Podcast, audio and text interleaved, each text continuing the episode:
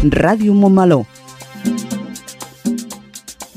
La ràdio municipal i digital de Montmeló.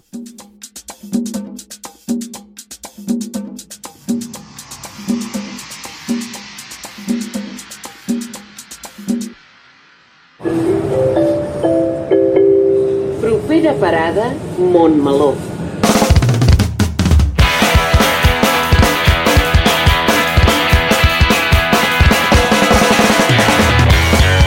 Montmeló sona.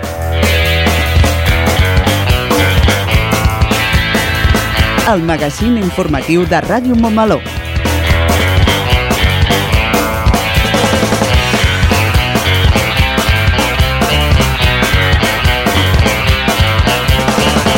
Molt bon dia a tothom. Avui és divendres 17 de novembre de 2023 i comencem una nova edició del Montmeló Sona, programa número 91.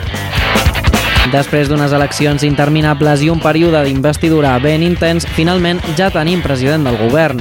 Pedro Sánchez va ser investit president per majoria absoluta amb 179 vots a favor i 171 vots en contra ahir 16 de novembre. Per fi acaba la tortura i deixem de banda aquest purgatori de manifestacions, amants de la fruita i cançons d'Ismael Serrano. Ara per ara ja ens podem relaxar i focalitzar-nos en l'actualitat de Montmeló. Montmeló Sona és el magazín informatiu setmanal de Ràdio Montmeló, coordinat per l'equip de comunicació de l'Ajuntament. Avui ens acompanya la Maria Costa Freda al Toquem el 2 i la Lola Robles al bloc de l'entrevista. I a la locució del programa tenim a l'Olga Coromines i un servidor, el Rubén Cantón. I la col·laboració a la realització de l'Isaac Gómez. I una vegada fetes les presentacions, passem al sumari de continguts que tenim preparats pel programa d'avui.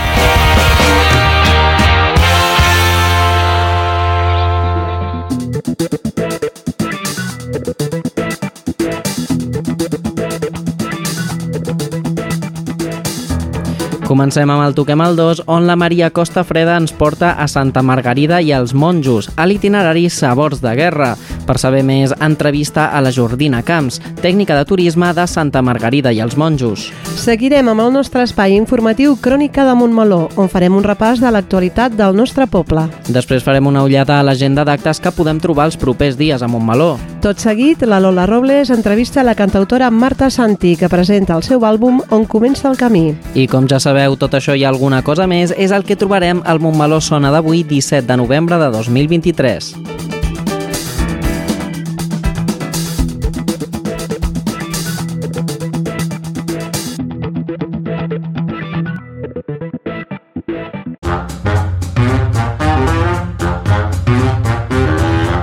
Montmeló sona, el magazín informatiu de Ràdio Montmeló. Montmeló sona i sona així de bé.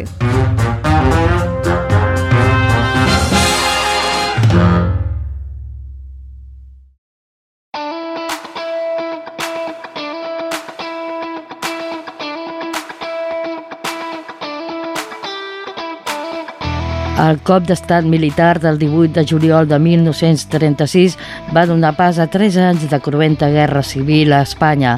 Catalunya es manté fidel a la república i al mateix temps viu un procés revolucionari impulsat per les milícies anarquistes. La Generalitat organitza la resistència i l'esforç bèl·lic i pateix els enfrontaments interns de les diferents forces polítiques i sindicals mobilitzades. Durant el mateix període, Catalunya rep l'afluència de milers de refugiats i desplaçats, considerada un dels majors moviments de persones en temps de conflicte armat del segle XX. La població civil catalana es veu colpejada per les penalitats del conflicte, l'encariment dels preus, la fam i els bombardejos. Finalment, el 16 de novembre de 1938, la derrota a la batalla de l'Ebre marca el destí del bàndol republicà i suposa la caiguda de Catalunya.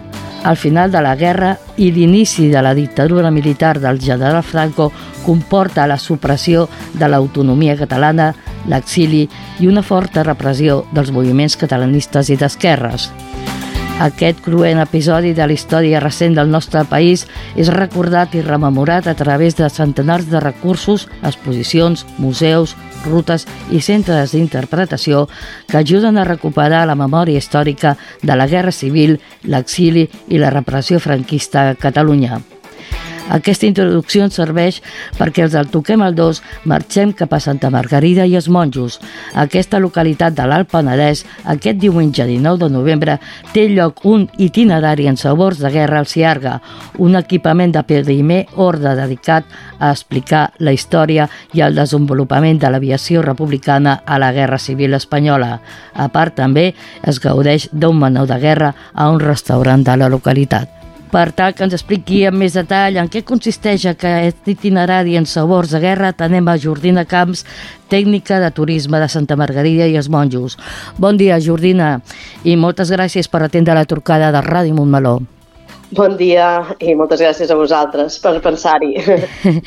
Quins són els orígens d'aquest itinerari en sabors de guerra? Bé, uh, bueno, nosaltres tenim un centre d'interpretació, que és el CIARGA, Llavors, eh, els orígens una mica d'aquest producte turístic ve en el fet de que eh, bueno, es creen diferents activitats, sobretot per vindre a fer aquestes visites i per conèixer aquest món no, de l'aviació republicana i la guerra aèria. Doncs eh, aquí vam crear unes sinergies amb, el, amb, el, amb Sobirats i llavors eh, els orígens són aquests, les sinergies que fem turísticament amb altres municipis que també estem relacionats amb aquest tema. En què consisteix aquest itinerari, Jordina? L'itinerari de Sabors en temps de guerra eh, consisteix en visitar aquests dos centres. Nosaltres tenim el CIARGA, que és el Centre d'Interpretació de l'Aviació Republicana i la Guerra Aèria, i eh, Sobirats ens trobem que té el CIUDEP, que és també un centre d'interpretació de l'última defensa a Barcelona.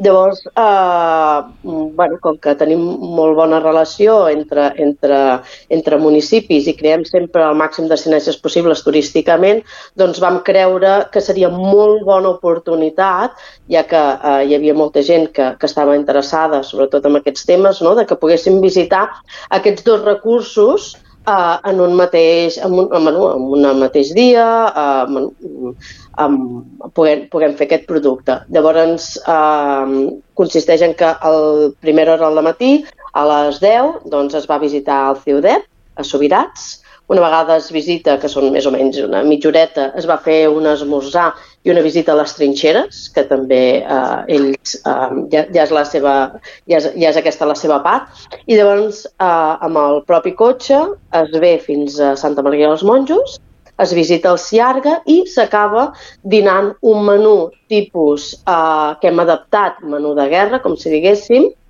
al mateix, al mateix municipi de Santa Maria dels Monjos en un dels restaurants.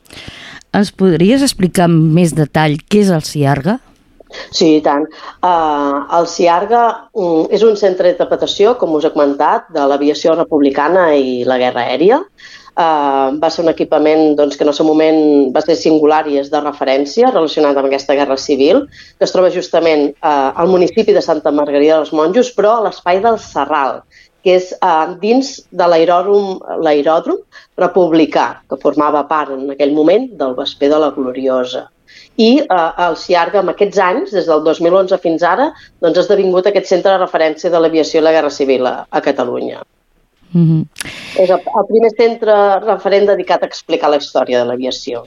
Què ens podem trobar aquest diumenge 19 de, de novembre a Santa Margarida i els Monjos? Uh, bé, primer de tot, mm, com us he comentat, doncs, uh, aquest aeròdrom, no?, que formava part d'aquest vesper de la Gloriosa.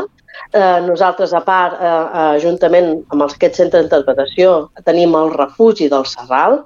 Uh, entres dintre d'un dels refugis, uh, adaptat, evidentment, no?, um, però entres dintre dels, dels, dels tres refugis que ens queden uh, i, i es visita, es pot visitar eh, explicant a 10 metres sota terra, tot el tema de la rampa, com entrava la metralla, s'explica tota la història.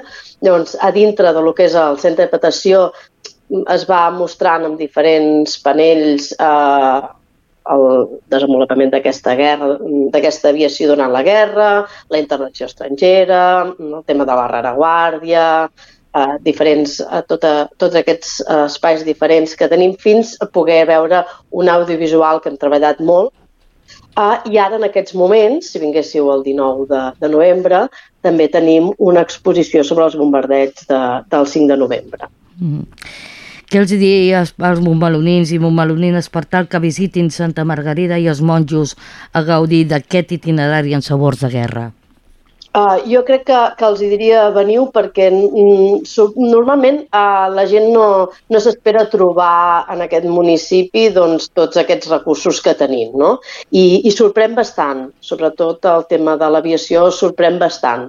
Una vegada mm, jo bueno, aprofitaria per, per convidar tothom tant a visitar el Ciarga com després també tenim eh, el castell de Penyafort, que en el castell també expliquem part de la, de la Guerra Civil perquè tenim una presó republicana, però això ja és un altre, un altre producte eh, turístic que tenim, però bé, eh, veniu a visitar-nos que la veritat és que sorprèn molt i la gent en surt molt contenta. Doncs moltíssimes gràcies, Jordina Camps, per la teva presència a la ràdio municipal de Montmeló. Molt bé, moltes gràcies a vosaltres. Te busco, te pienso, te siento y siento que como tú no habrá nadie. Ja toquem el 2 i no oblidem mai la nostra història. Donem pas a la resta de continguts del Montmeló Sona. Bon cap de setmana. A oscuras, con miedo y este frío, nadie me lo quita. Tengo razones para buscarte.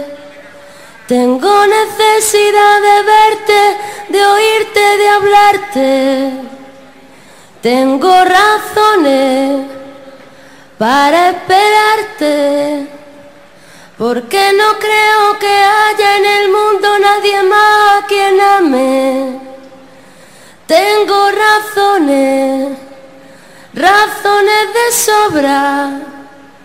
para pedirle al viento que vuelva aunque sea como una sombra. Tengo razones para no quererte olvidar, porque el trocito de felicidad fuiste tú quien me lo dio a probar. El aire huele a ti. Mi casa se cae porque no está aquí. Mi sábana, mi pelo, mi ropa te buscan a ti.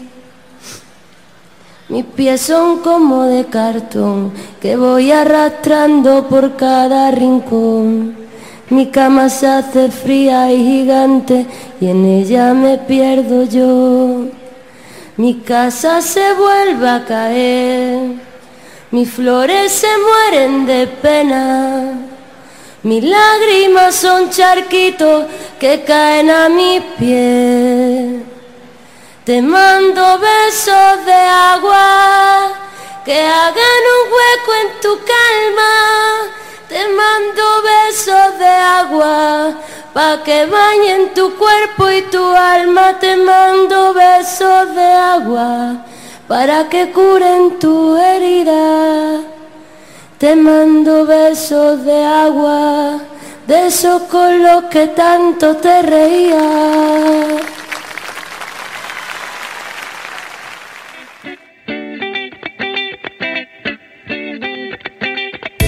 Ensenya'm la llengua. Un programa de l'oficina de català amb Susana Corxo. El tercer divendres de cada mes a les 5 de la tarda.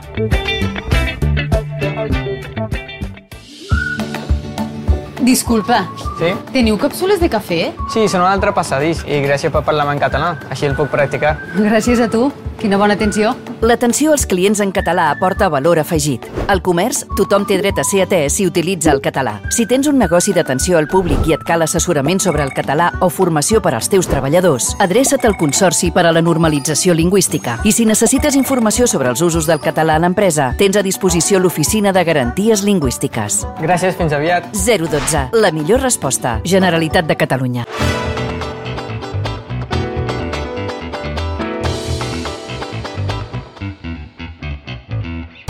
Arribem de nou al nostre bloc informatiu Crònica de Montmeló i donem pas, una vegada més, a les notícies locals més destacades per avui divendres 17 de novembre de 2023. Aquest és el sumari pel programa d'avui. Les momalorines Ninoska i Clàudia Linares s'estrenen com a actrius a la Messias. La 25a Ruta de les Fonts de Montmeló torna a ser un èxit i aplega 550 persones. Xalem Xerran, grup de conversa de l'Oficina de Català i Òmnium Montmeló. Setmana Europea per la Prevenció de Residus. Torna la Setmana de la Ciència amb uns observants el 19 de novembre. Caminar més que una moda, una necessitat. 25N, Dia Internacional contra la Violència vers les Dones. A més d'aquestes notícies, us parlarem sobre els actes previstos per aquests propers dies.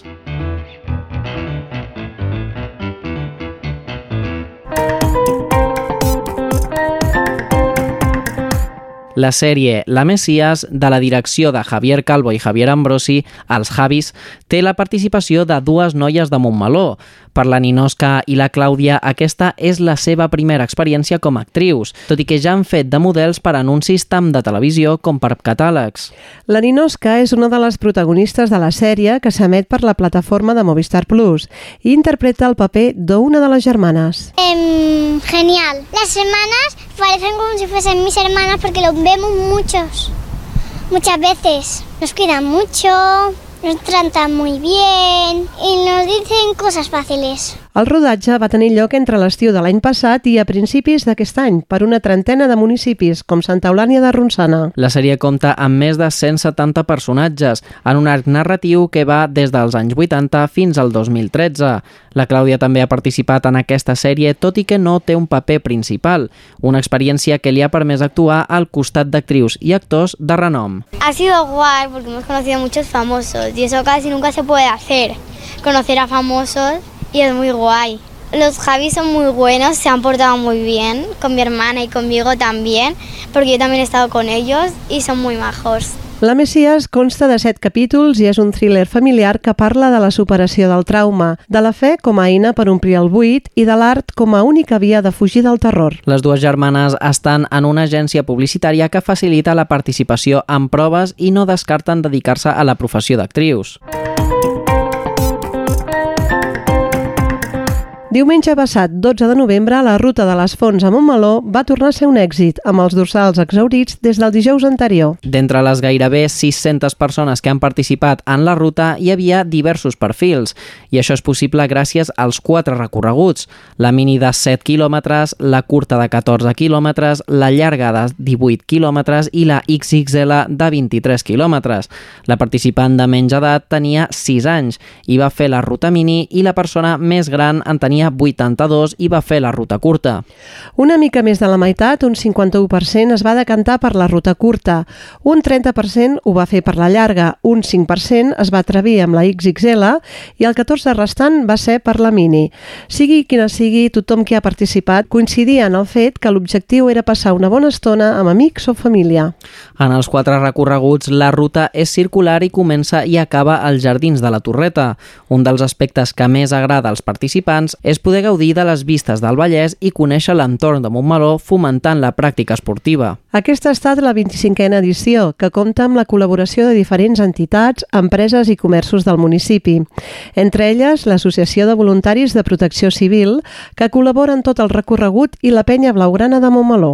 Aquest any, la penya va ser l'encarregada de preparar els entrepans amb la novetat de gaudir d'una botifarrada al finalitzar la ruta, als Jardins de la Torreta, que va permetre crear un gran ambient a la gespa. El verb disfrutar, tot i que és una forma prou entesa en català, no està recollida en el diccionari normatiu. Així doncs, per expressar que algú sent un viu plaer, especialment per la possessió d'una cosa, per la consecució d'una cosa desitjada, es poden usar formes diverses, segons el context. Gaudir, fruir, sentir goig, divertir-se, passar-s'ho bé, xalar, passar una bona estona, viure la vida, etc. És per això que l'Oficina de Català, amb el suport d'Òmnium Montmeló, va organitzar a principis d'octubre el grup de conversa, ara rebatejat com a Xalem Xerran. Perquè xerrar no pot practicar la llengua sense estar tan pendent de què diu i de com ho diu.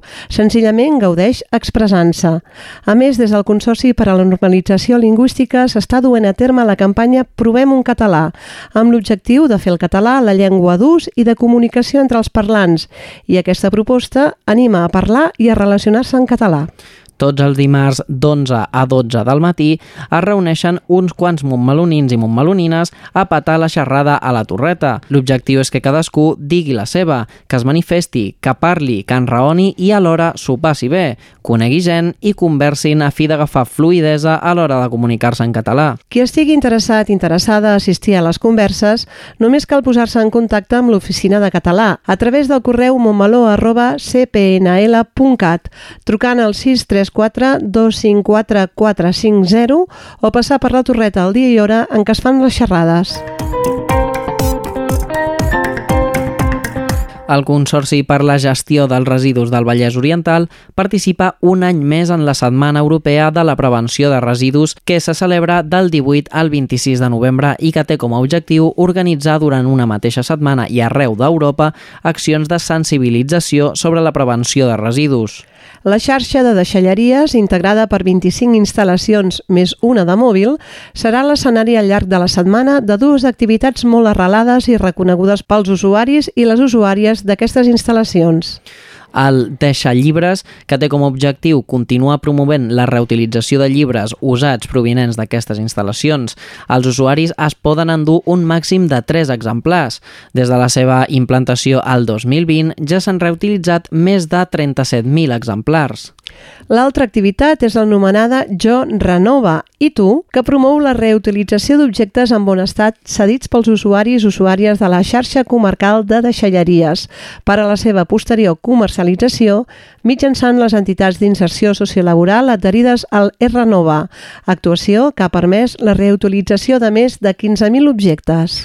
A Montmeló, la Setmana Europea de Prevenció de Residus se celebrarà els dies 24 i 25 de novembre. Estigueu atents a l'agenda d'activitats.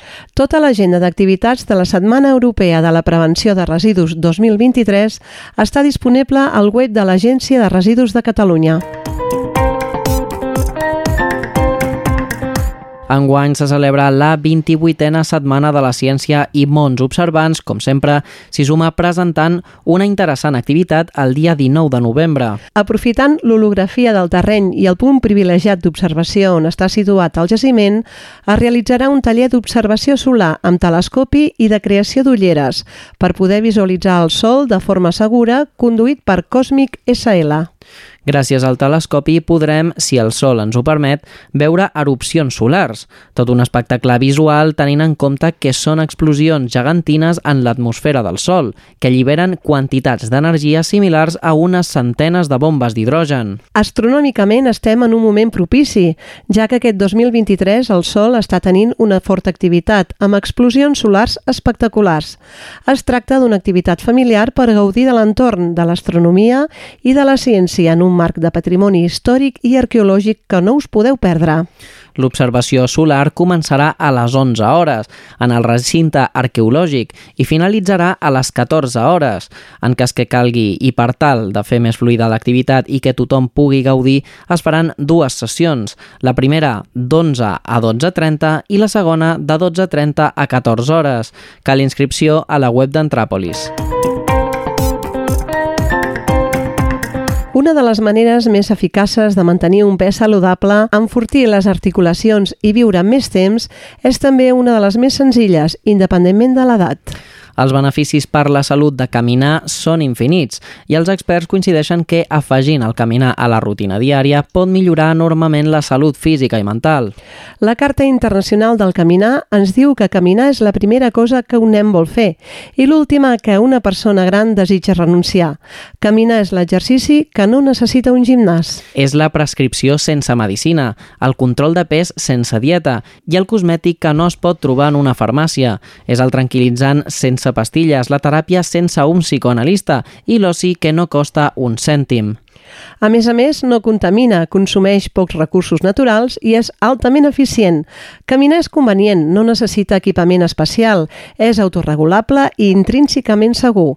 Caminar és tan natural com respirar. L'Ajuntament, des de l'àrea de salut, organitza un cop al mes des de fa ja uns quants anys les marxes nòrdiques. En aquesta activitat s'aprèn a utilitzar els bastons, però també serveixen per conèixer recorreguts per la resta de dies que sortim a caminar.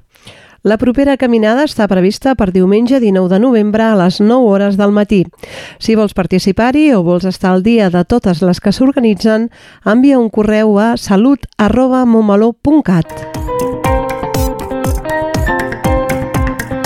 El Dia Internacional de l'Eliminació de la Violència vers les Dones es celebra anualment el 25 de novembre per denunciar la violència que s'exerceix sobre les dones a tot el món i reclamar polítiques per la seva erradicació. Des de l'Ajuntament de Montmeló es treballa al llarg de l'any per impulsar polítiques igualitàries, així com de visibilització vers la igualtat i els drets de les persones. I a motiu del 25N d'enguany s'ha preparat un programa d'actes que començarà el proper dijous 23 de novembre. Cal, però, destacar abans la participació i la implicació de diferents entitats i col·lectius del municipi.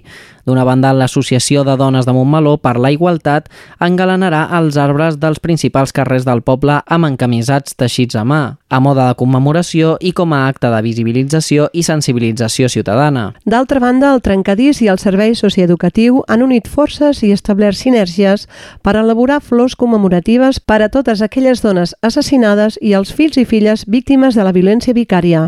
L'equip de professionals de l'Estació Jove du a terme una dinamització que ha de portar els joves a reflexionar envers la violència masclista dins de l'àmbit digital des de la prevenció i la sensibilització social.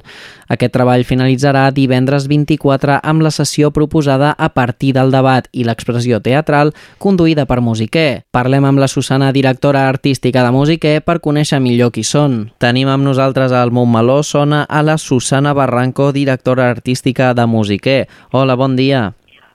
Hola, bon dia, com esteu? Eh, qui és Musiquer i què feu?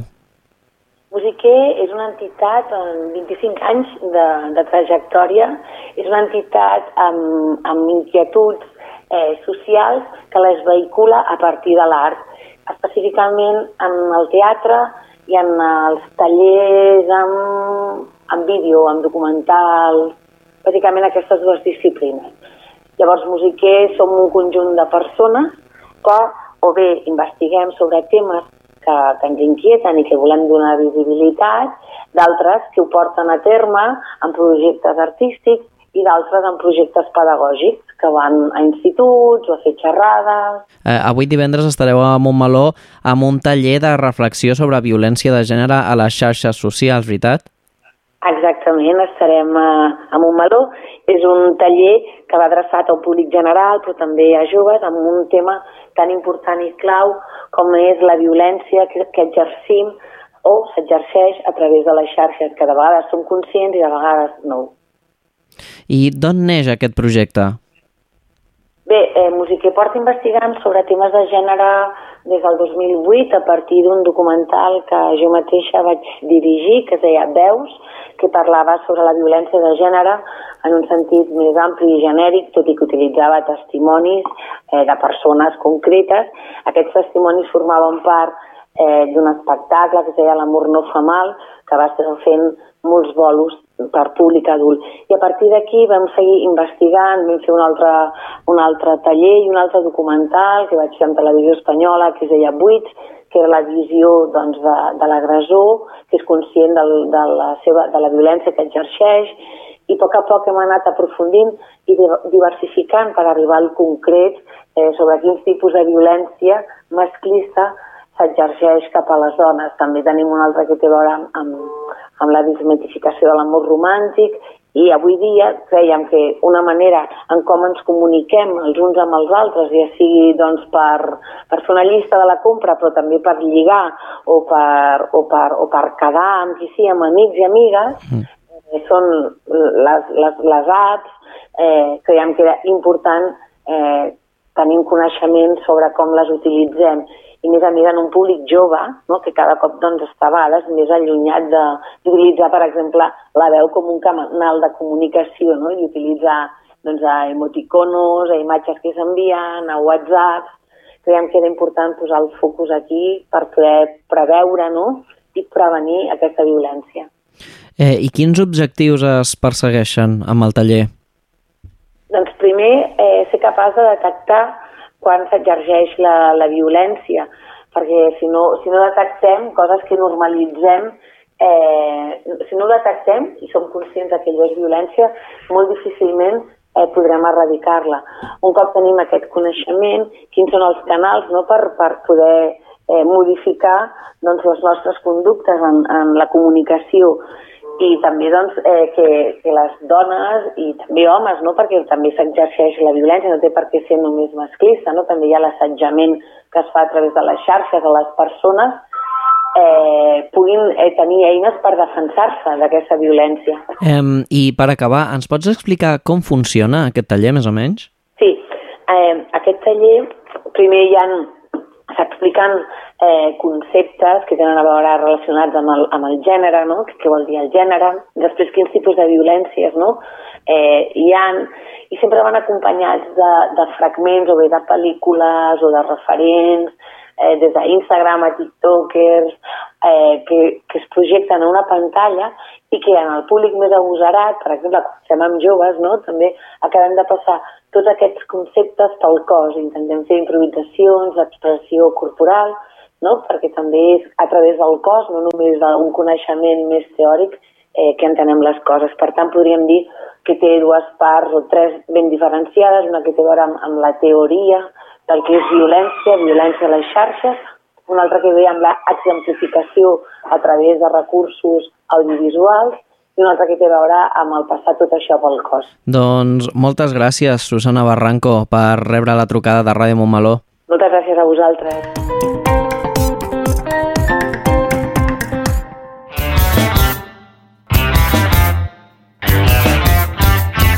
Iniciem el bloc de l'agenda d'activitats culturals previstes des d'avui divendres dia 17 i fins al diumenge 26 de novembre. Comencem avui divendres 17. El museu serà el lloc per a la presentació d'un nou llibre. A les 19.30 hores, l'escriptora local amb el pseudònim d'Ellen Bolt presentarà la seva primera novel·la Quiero ser la protagonista de mi vida. Es tracta d'un llibre de temàtica romàntica però amb caràcter feminista. I les persones aficionades al teatre, a les 8 del vespre, tindran una cita a la sala polivalent, on la companyia Els Pirates representaran l'obra als secundaris, un espectacle en forma de vodevil que ret un homenatge als actors i actrius que no es recorden. Les entrades es poden treure a través d'Entràpolis o bé de manera presencial al Centre Cultural de la Torreta.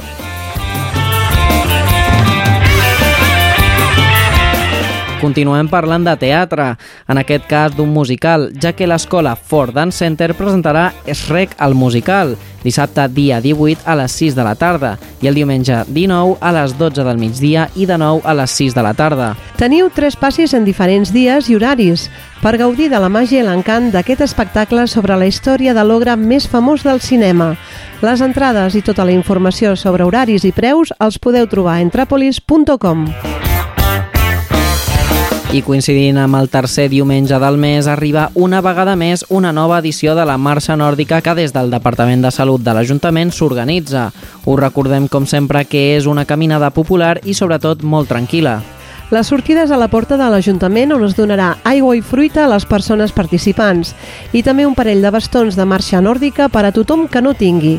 Es recomana fer inscripció prèvia al correu salut arroba montmeló.cat.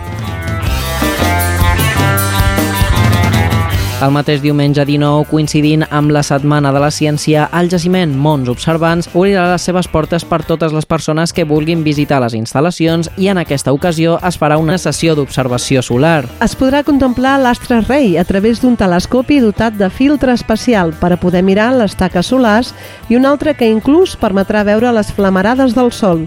Tot un espectacle pels amants de la ciència. Recordar-vos que l'activitat és gratuïta però que cal fer reserva prèvia com ja és costum a través d'entrapolis.com.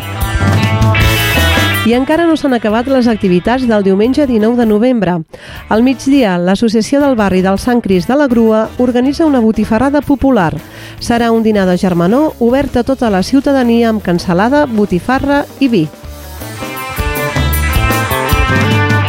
I finalitzem l'oferta d'activitats pel diumenge 19 amb un concert familiar. Es tracta de l'espectacle de la companyia infantil Pantina el Gat, que porta per nom Eufòria, un concert ple d'energia, sensible i divertit per tota la família. Eufòria es podrà veure i viure al local de la Grupa, al carrer 11 de setembre, número 6, a partir de les 5 de la tarda. Les entrades són a 7 euros pels adults i 4 pels infants.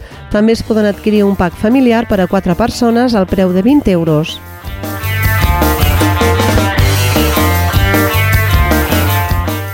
I si amb aquest cap de setmana tan intens encara us queden forces, dimarts 21 a dos quarts de 12 del migdia a la sala de la Concòrdia, la Fundació Fambrain farà una xerrada amb el títol Alimentació i dietes adaptades a les necessitats de les persones grans, amb una sèrie de recomanacions per afrontar l'envelliment de manera saludable i positiva.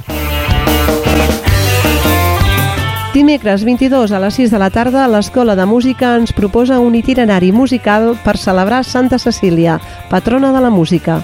L'escola obrirà les portes de l'escola i oferirem un recorregut musical a les diferents aules de l'escola.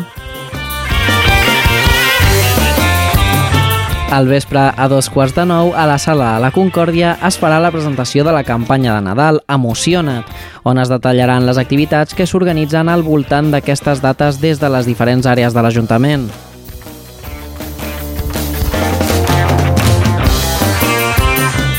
Dijous a les 9 del matí, dins els actes de la Setmana Europea de la Prevenció de Residus, la deixalleria mòbil s'instal·larà davant l'Escola Sant Jordi.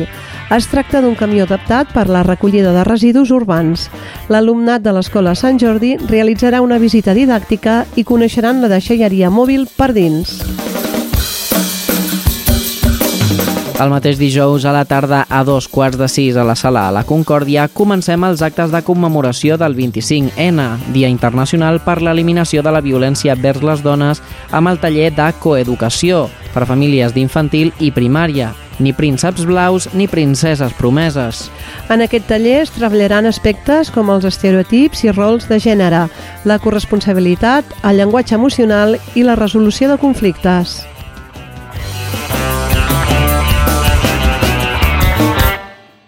Seguim dijous a dos quarts de vuit del vespre al Centre de Formació i Recursos G2M, nova sessió plenària del Consell de Poble. Divendres 24, dins els actes de la Setmana Europea de la Prevenció de Residus, a partir de dos quarts de 10 del matí, dins el mercat setmanal, trobareu la carpa del reciclatge, parada informativa on podreu resoldre tots els dubtes que tinguis sobre la recollida de residus a Montmeló. Presentant la targeta TRIA, us podeu endur una bossa feta amb material RPTE, elaborat a partir de plàstic reciclat. A la tarda, a partir de dos quarts de quatre a la plaça de la Vila, trobareu la mateixa parada informativa i una proposta de jocs educatius adreçats a qualsevol edat amb el nom D'aquí no llancem res, reciclem, on ens ajudaran a entendre la importància de separar correctament els residus. Com al matí, presentant la targeta tria, a la carpa us podreu endur una bossa feta amb material RPTE, elaborat a partir de plàstic reciclat.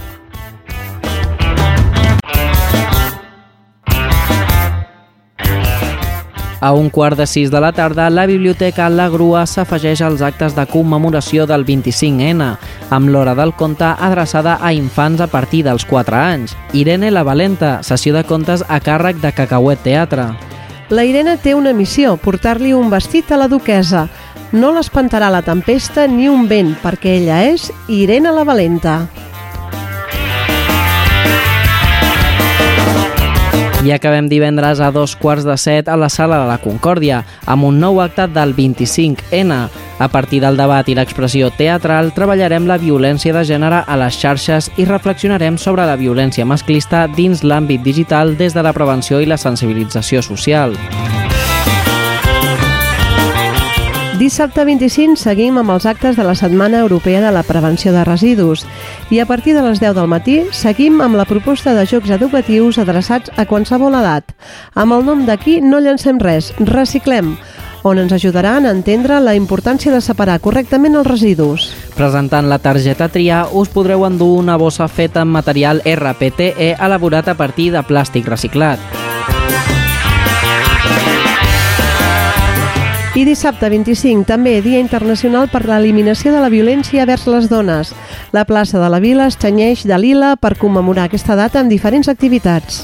A les 11 hores, taller obert d'autodefensa, impartit pel Club Karate Montmeló. I a les 12 hores es farà la lectura del manifest institucional de rebuig a les violències masclistes. Un cop acabada la lectura i fins a les 14 hores trobarem el joc de l'oca feminista, un joc de l'oca gegant que promou la reflexió sobre les desigualtats de sexe i el feminisme. Simultàniament es farà un taller Una flor per a elles, per crear un mural de flors liles en homenatge a totes les dones víctimes de violència masclista. Diumenge 26 acabem aquesta setmana tan farcida d'activitats. A les 5 de la tarda, a la sala polivalent La Torreta, la companyia teatral Skratta ens oferirà un espectacle teatral per tota la família, La princesa amb texans. Les entrades s'han de comprar a la web d'Entràpolis al preu de 7 euros per a les persones adultes i 4 euros als infants.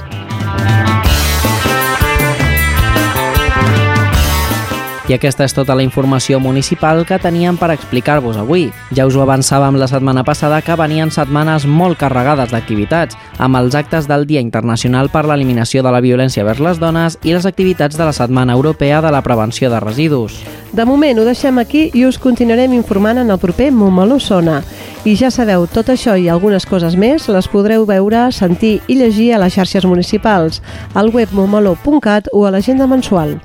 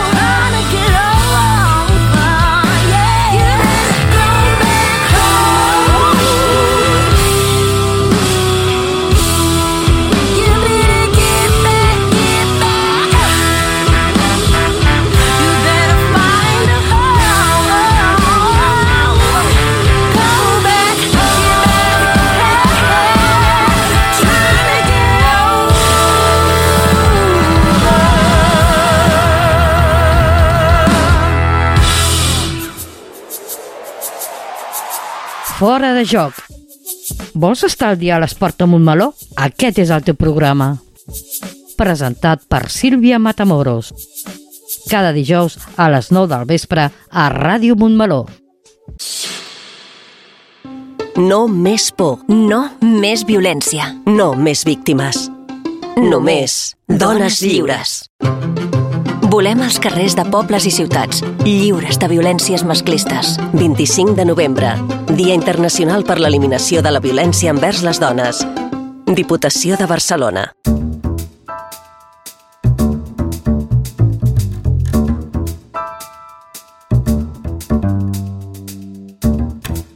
Avui contem a l'espai de l'entrevista del Montmeló Sona, de Ràdio Montmeló, amb Marta Shanti. Marta Shanti és de Montmeló, és cantant i acaba de publicar el seu primer LP, On comença el camí. Amb ella volem parlar d'aquest llançament i de la seva experiència en el món de la música. Bon dia, Marta, com estem? Bon dia, molt Benvinguda. bé. Gràcies. Per qui no et conegui, qui és Marta Shanti?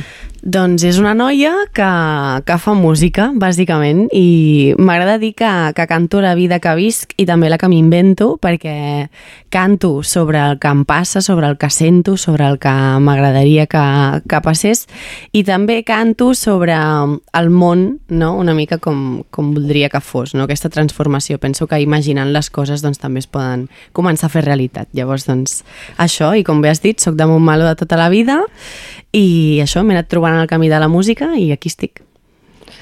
En el camí de la música t'has trobat eh, per atzar? A veure, és cert que la música sempre m'ha acompanyat des de molt petita. A casa hi havia músics, des de molt petita vaig anar a l'escola de música, però així dedicar-me a, a la música i ser jo la que, la que puja a l'escenari, la que impulsa el projecte, la que crea les cançons, m'hi he anat trobant de manera natural. Un dia vaig començar a composar i una cosa em va portar a l'altra i vaig començar a pujar escenaris i vaig dir, uau, això sembla que... I mica en mica això va anar ocupant més temps a la meva vida i em vaig adonar que era el que realment volia fer. I llavors vaig dir, doncs, a per totes. Després de dos EPs autoeditats, eh, Ànimes i Arrels, recentment has presentat el teu primer LP, On comença el camí. Com ha estat el procés de creació en comparació amb les experiències anteriors? Um, a veure, sobretot amb Arrels va haver-hi doncs això, no? el, el fer-ho jo, diguem-ne, tota la producció amb l'ajuda doncs, de, del meu company, el Dida, que, que també és el meu pare, i d'altres músics com la Laia Anglada, que va fer la percussió, però hi havia com tota una part més de, de producció, no? I tant en Ànima, que ja va ser com un tastet, com ara no comença el camí, doncs hem estat treballant amb el Jordi Díez, i llavors aquí ha estat més doncs, eh, compartir la creació amb una persona que ja és productor professional no? i per tant és ell el que toca les tecles i ha estat més eh, saber trobar aquest punt de jo explicar-li les coses amb colors, amb, amb sensacions, amb, ostres, jo aquí sento que això hauria de brillar i t'hauria d'envoltar i t'hauria d'abraçar per aquí, això hauria de fer escalfor i això és de color lila. Vale? Llavors, tot això um, transformar-ho en música, no? Llavors, hi ha hagut molta conversa, molt, molt, ostres, jo crec que això aquí pot sumar, ja, però és que jo vull que passi això, no? Llavors, una mica construir tota aquesta sonoritat que envolta la cançó, que quan doncs, toquem en els concerts no hi és del, del tot, però que quan l'escoltes a casa tu sol, no? Aquest, aquest no directe, perquè jo no estic allà per transmetre tu, doncs vull que, que hi sigui i que tota aquesta sonoritat doncs, et transmeti totes aquestes sensacions. Llavors ha estat molt interessant en aquest sentit. Per com ho expliques, eh, hi ha hagut molta connexió, no? Hi ha hagut molta connexió, la veritat és que sí. Jo em pensava que seria complicat perquè, clar, o sigui, quan parles de sensacions és molt difícil plasmar-ho en paraules, no? I pensava, dic, no ens entendrem.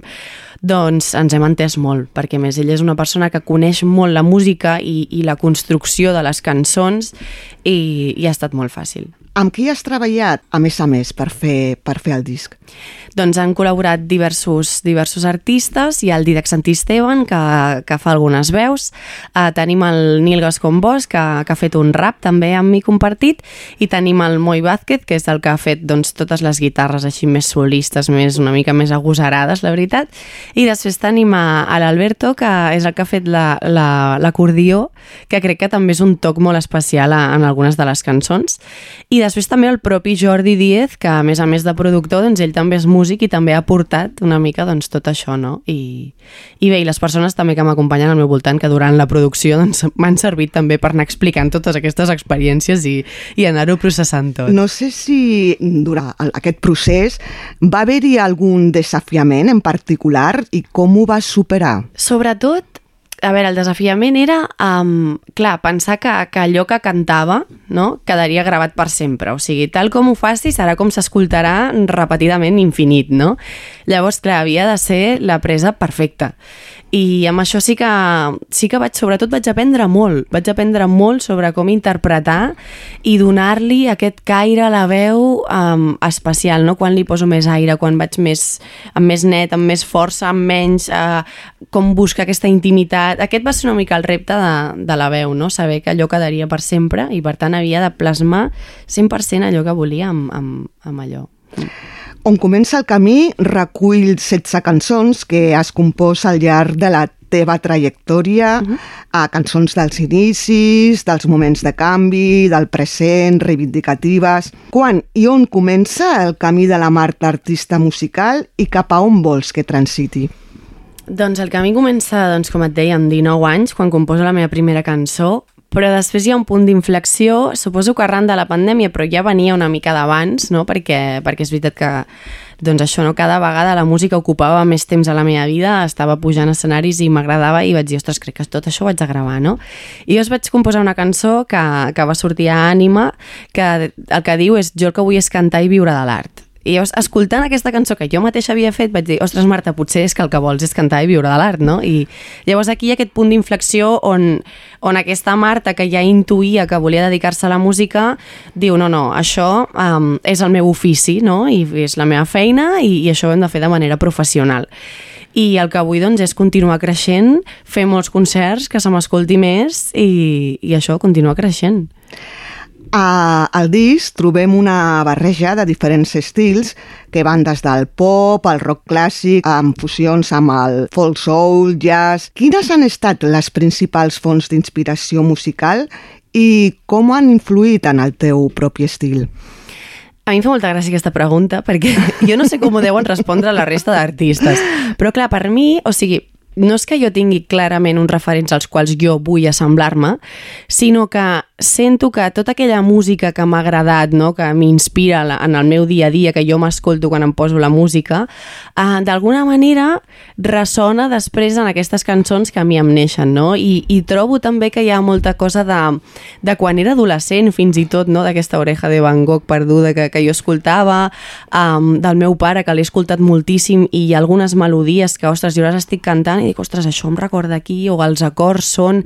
Però no és una cosa buscada expressament, Sí que hi ha justament una cançó que va haver-hi una conversa concreta eh, amb el meu pare, no? que, ostres, jo només... La, eh, dic, és que aquesta cançó m'està sortint i només té un acord, la d'aire, està feta amb un la major. I llavors eh, escoltem molt Loques Grasses i vam estar doncs, mirant algunes de les cançons que més ens agraden i n'hi ha una que és que també està feta només amb un acord, no?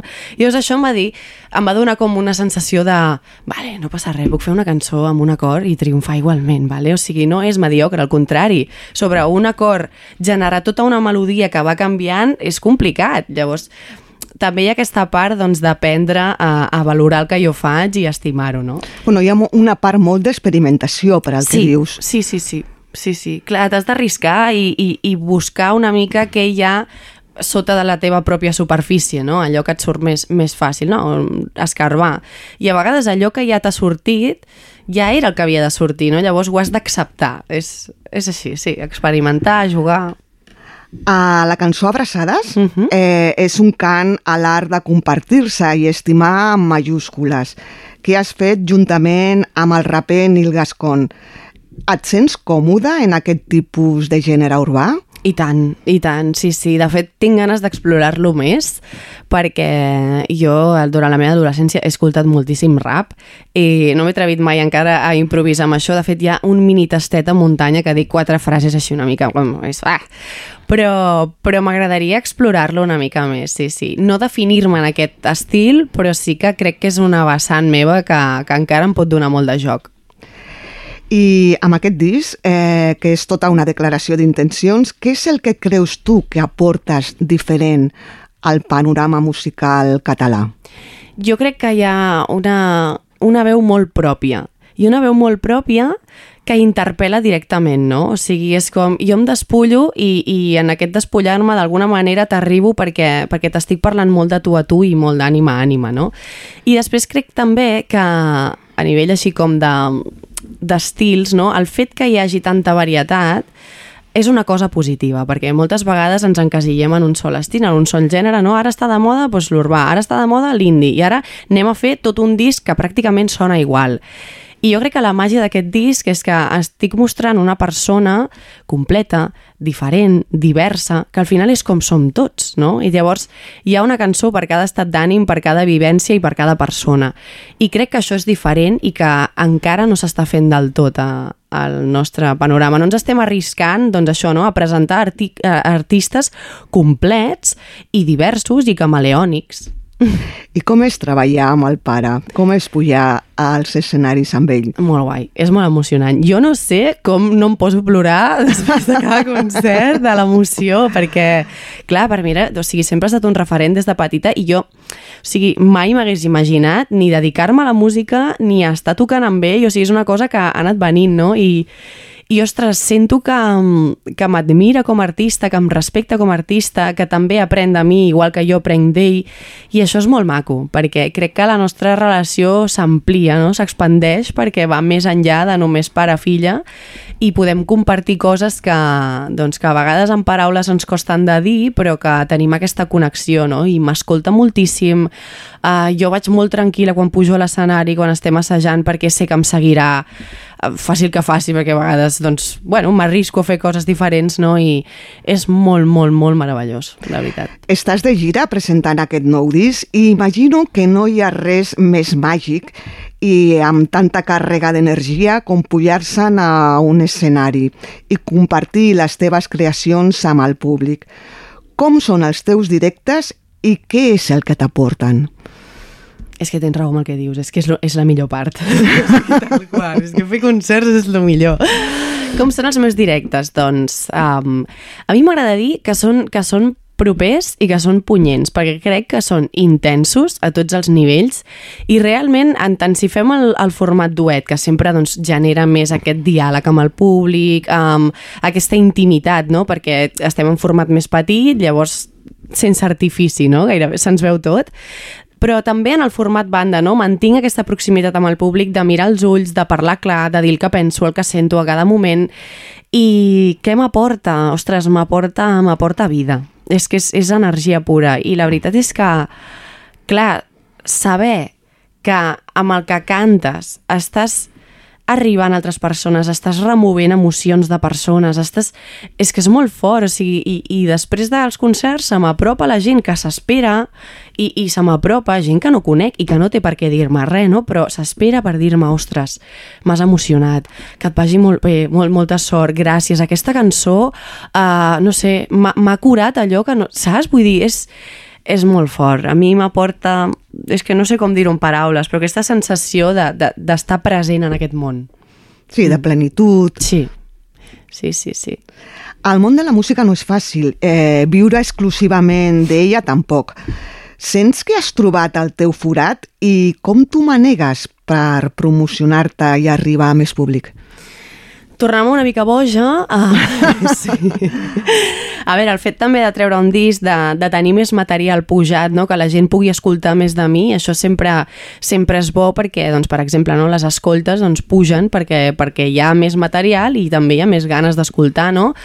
Molta feina a les xarxes, molt estar aquí, molt estar allà, anar a mitjans, parlar, no? conèixer gent, fer contactes, al final és tot una xarxa, una cadena que has d'anar fent, no? pas a pas, i, i una mica això, doncs, comunicar-me, estic també pensant molt en, en, en, en que se li diu com, que és que no sé com dir-ho, però és ai, com fer la marca, no? O sigui, que, que, que amb una imatge, que amb un so, que amb una paraula ja puguis identificar-me, no? Uh, crec que tinc alguns punts molt característics de mi, la meva veu, al algunes coses de l'estil, però encara estic doncs, acabant de definir doncs, això, el color, la, la paraula, el, el què, no? I això serveix molt sobretot doncs, a nivell de xarxes, de, de contingut audiovisual, que al final, vulguem o no, som una societat molt visual, no? I llavors per aquí és on ara tinc aquest repte, però continuo activa, aprenent sempre, eh, he fet un postgrau sobre la gestió del, de la indústria musical, aprenc amb les xarxes i aprenc de moltes persones que també com jo es dediquen a això o, o a temes relacionats i que també em sumen. Doncs, eh, què et sembla, Marta, si acabem aquesta conversa amb tu de la millor forma possible, que és amb la interpretació en directe d'un tema d'aquest disc, Perfecte. el que més t'agradi. I tant. El que més m'agradi serà complicat, però bueno, jo us toco un. Vale, perfecte.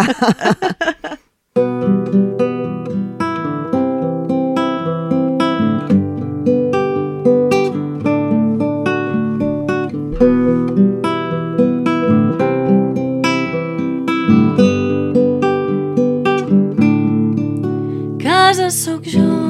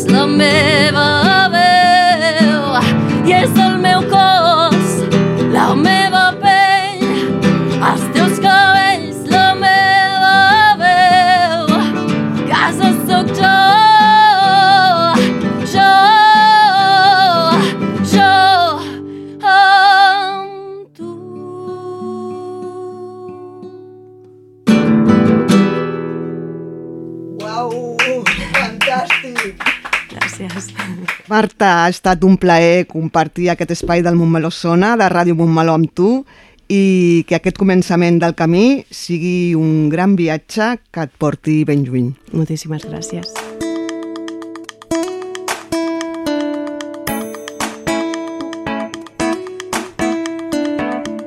De vegades estic una mica atabalada de sentir dins meu la meva veu que em critica, em jutja i m'esgarrapa i em fa sentir petita.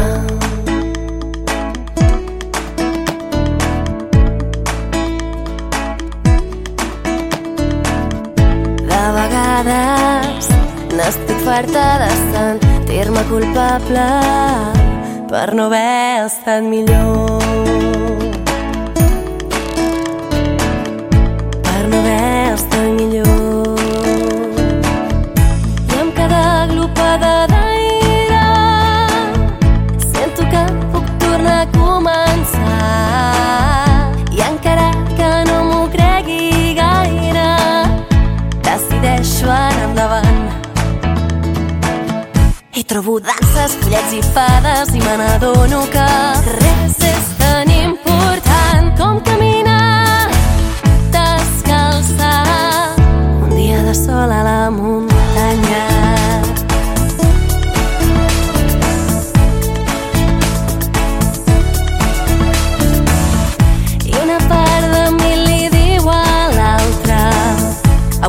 szeptuje twarz.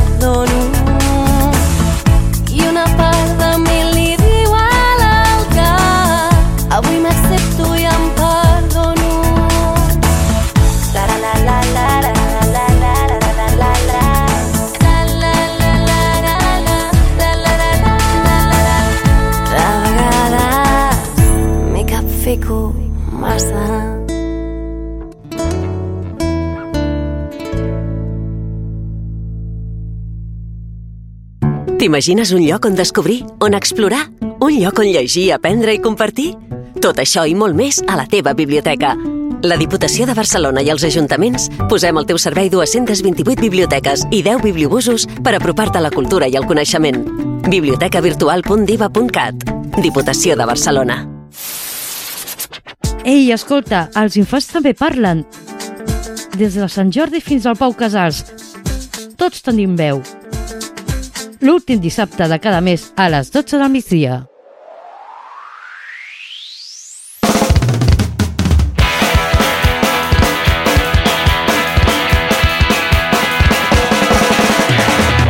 I ja arribem al final del programa d'avui. Però abans d'acabar, recordem la programació que podeu trobar a la ràdio durant el que queda de setmana i durant la setmana que ve.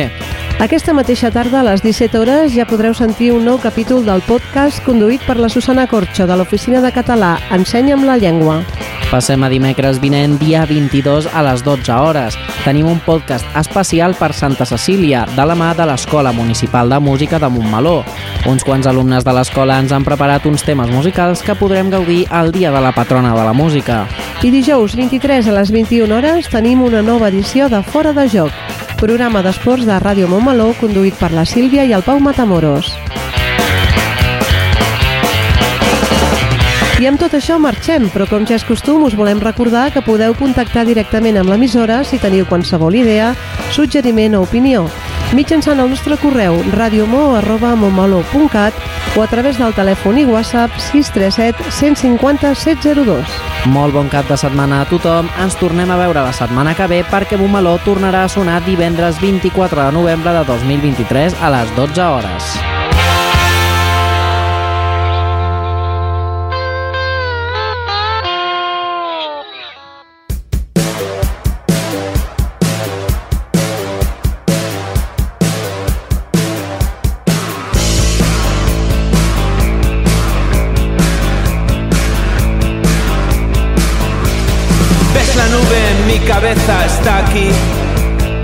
Ayer salí. Intento combatir la ansiedad y la tristeza que hay en mí. Ayer salí.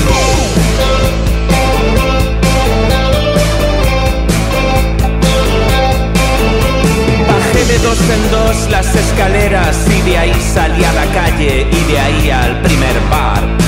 Era elegante, sofisticado. Dime, ¿has estado?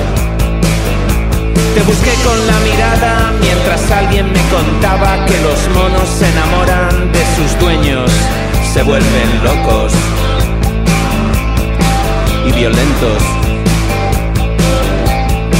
Pensé en ti y en mí.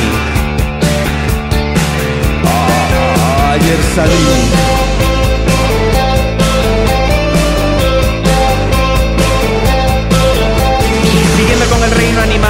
De una mosca verde esmeralda, vigorizante, afrodisíaca y venenosa.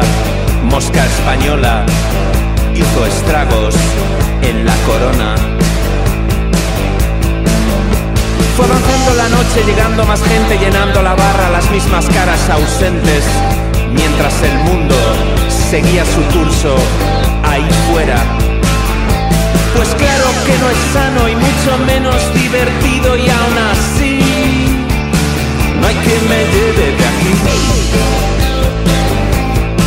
Claro que sí. Claro que sí.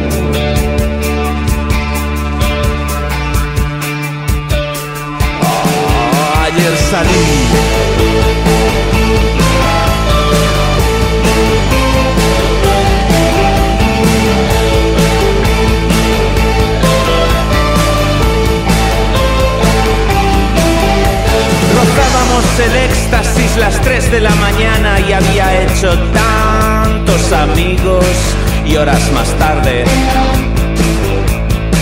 no los recuerdo. Piensa, todo gente hermosa dentro de su decadencia, pero a ti no te vi. ¿Estás ahí? ¿Estás ahí? ¿Estás ahí?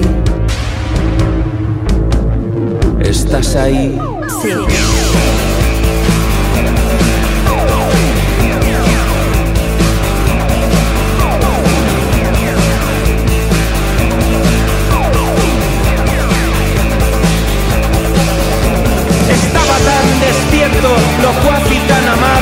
Estaba tan lejos de sentirme un miserable.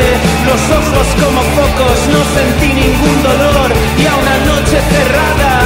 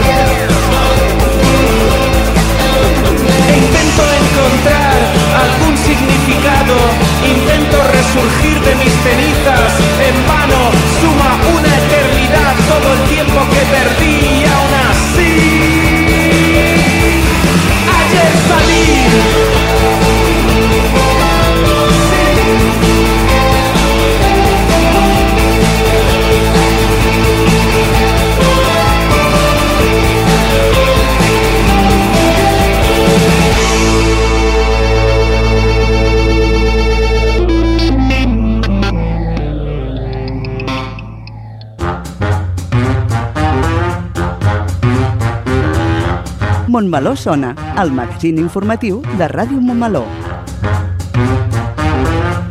Montmeló sona i sona així de bé.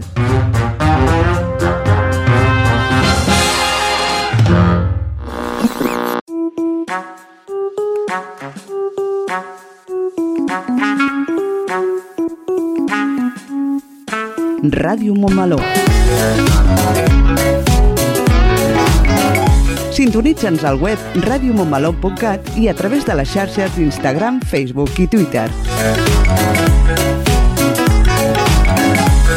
Ràdio Montmeló, la ràdio municipal i digital de Montmeló.